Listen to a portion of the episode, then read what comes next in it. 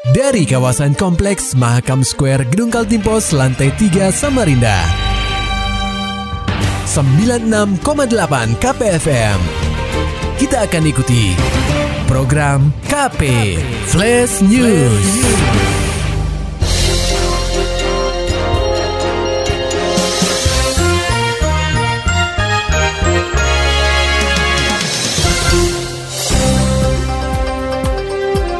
Pemkot Samarinda mulai menyalurkan bantuan sosial tahap kedua kepada warga yang terdampak wabah COVID-19.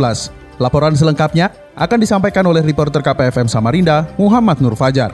Pendengar KP, Pemkot Samarinda mulai menyalurkan bantuan sosial tahap kedua bagi warga yang terdampak pandemi COVID-19 di kota tepian. Kepala Dinas Sosial Kota Samarinda, Ridwan Tasa menuturkan, bantuan berupa paket sembako ini mulai disalurkan sejak beberapa hari yang lalu. Bahkan, Penyerahan secara simbolis langsung dilakukan oleh Wali Kota Samarinda, Syahri Yaang, di Kelurahan Air Putih, Kecamatan Samarinda Ulu, pada Jumat 19 Juni 2020. Itu sudah mulai sudah mulai beberapa hari ini. Ya benar. Kemarin sudah mulai dan ini berlangsung sampai hari ini. Itu diharapkan kalau bisa selesai satu minggu. Hmm. Ya satu minggu ya paling tidak hari Rabu yang akan datang lah. Kalau bisa selesai. Soal ya sampai selesai lah karena masalahnya kemarin kita membagi itu 30 35 ribu itu itu sampai satu minggu juga. Ridwan menjelaskan, pelaksanaan bantuan sosial ini dilakukan oleh Badan Penanggulangan Bencana Daerah atau BPBD Samarinda, di mana peran dinas sosial di sini untuk mengumpulkan data masyarakat yang berhak menerima bantuan. Pertama, pelaksanaannya itu dilakukan oleh BPBD, ya, BPBD. Dinas Sosial bertugas mengumpulkan data, memverifikasi data, tugas uh, uh, Kominfo. Berkaca dari bantuan sosial tahap pertama, Ridwan mengatakan pihaknya sendiri telah melakukan evaluasi agar kekurangan program sebelumnya tidak terulang untuk di tahap kedua. Salah satunya terkait pendataan warga yang berhak menerima bantuan. Ridwan membeberkan pada tahap pertama sendiri, jumlah masyarakat yang berhak menerima bantuan berjumlah 35 ribu orang. Namun untuk tahap kedua, jumlahnya bertambah menjadi lebih dari 78 ribu orang. Sama aja. Jadi begini, tahap pertama itu 35 ribu. Ya. Kemudian tahap kedua ini ditambah dengan yang tersisa-sisa, itu akhirnya yang pertama ditambah dengan tambahan menjadi 78 ribu.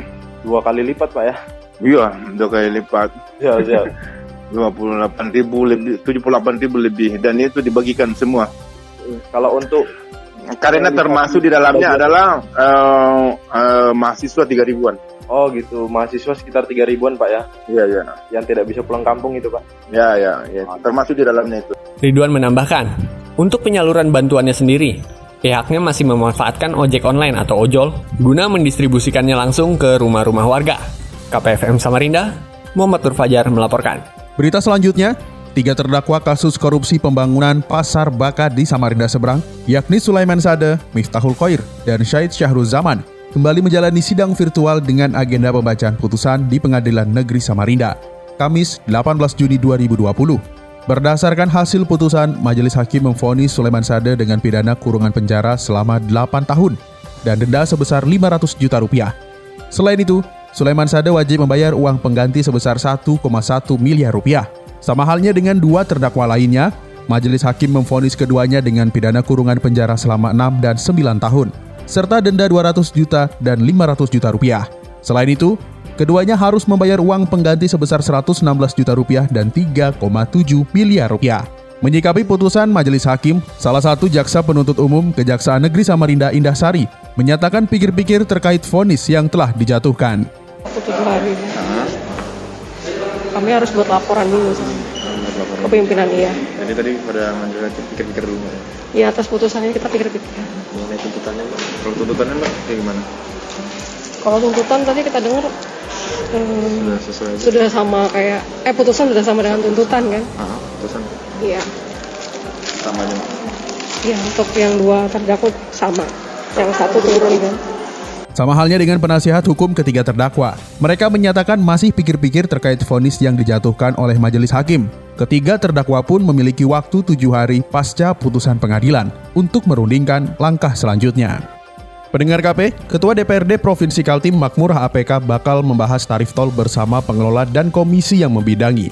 Hal ini disampaikan politisi Partai Golkar itu saat ditemui KPFM di kantor Gubernur Kaltim, Jalan Gajah Mada Samarinda belum lama ini. Menurut Makmur, persoalan ini penting dibicarakan karena dirinya menerima laporan masyarakat yang mengeluhkan biaya masuk jalan tol Balikpapan Samarinda atau Balsam.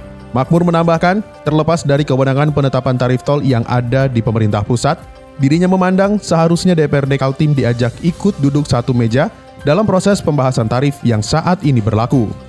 Artinya terlepas dari itu kewenangan dari pusat silahkan saja. Maksud saya diajaklah ke DPRD ini duduk satu meja. Karena bagaimanapun juga sesuatu aktivitas yang membawa rakyat di Kaltim ini atau di suatu daerah itu harus tidak bisa melepaskan peran DPRD maupun pemerintah provinsi.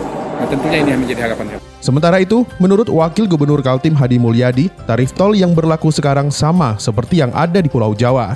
Dia menyebutkan biaya yang dikeluarkan untuk masuk tol Balsam ditetapkan oleh Kementerian Perhubungan. Ya masyarakat ukurannya apa? Gitu. Kalau kita bandingkan dengan di Jawa, di mana semua tol tol itu standarnya dari Kementerian Perhubungan. Jadi kita nggak bisa.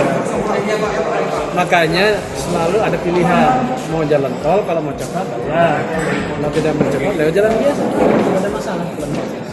Setelah sempat bebas biaya, tarif tol Balsam akhirnya resmi diterapkan pada 14 Juni 2020 lalu. Hal ini termaktub dalam surat keputusan Menteri PUPR RI nomor 534 garis miring KPTS garis M garis miring 2020 tentang penetapan golongan dan jenis kendaraan bermotor dan besaran tarif tol pada jalan tol Balikpapan Samarinda seksi 2, 3, dan 4. Ongkos yang diterapkan beragam, menyesuaikan gerbang masuk tol yang dipilih.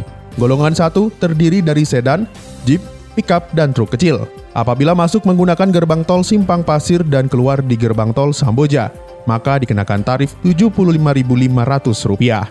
Sedangkan pengendara yang memilih masuk dari gerbang tol Simpang Jembatan Mahkota 2 akan dikenakan biaya sedikit lebih mahal, yaitu Rp83.500.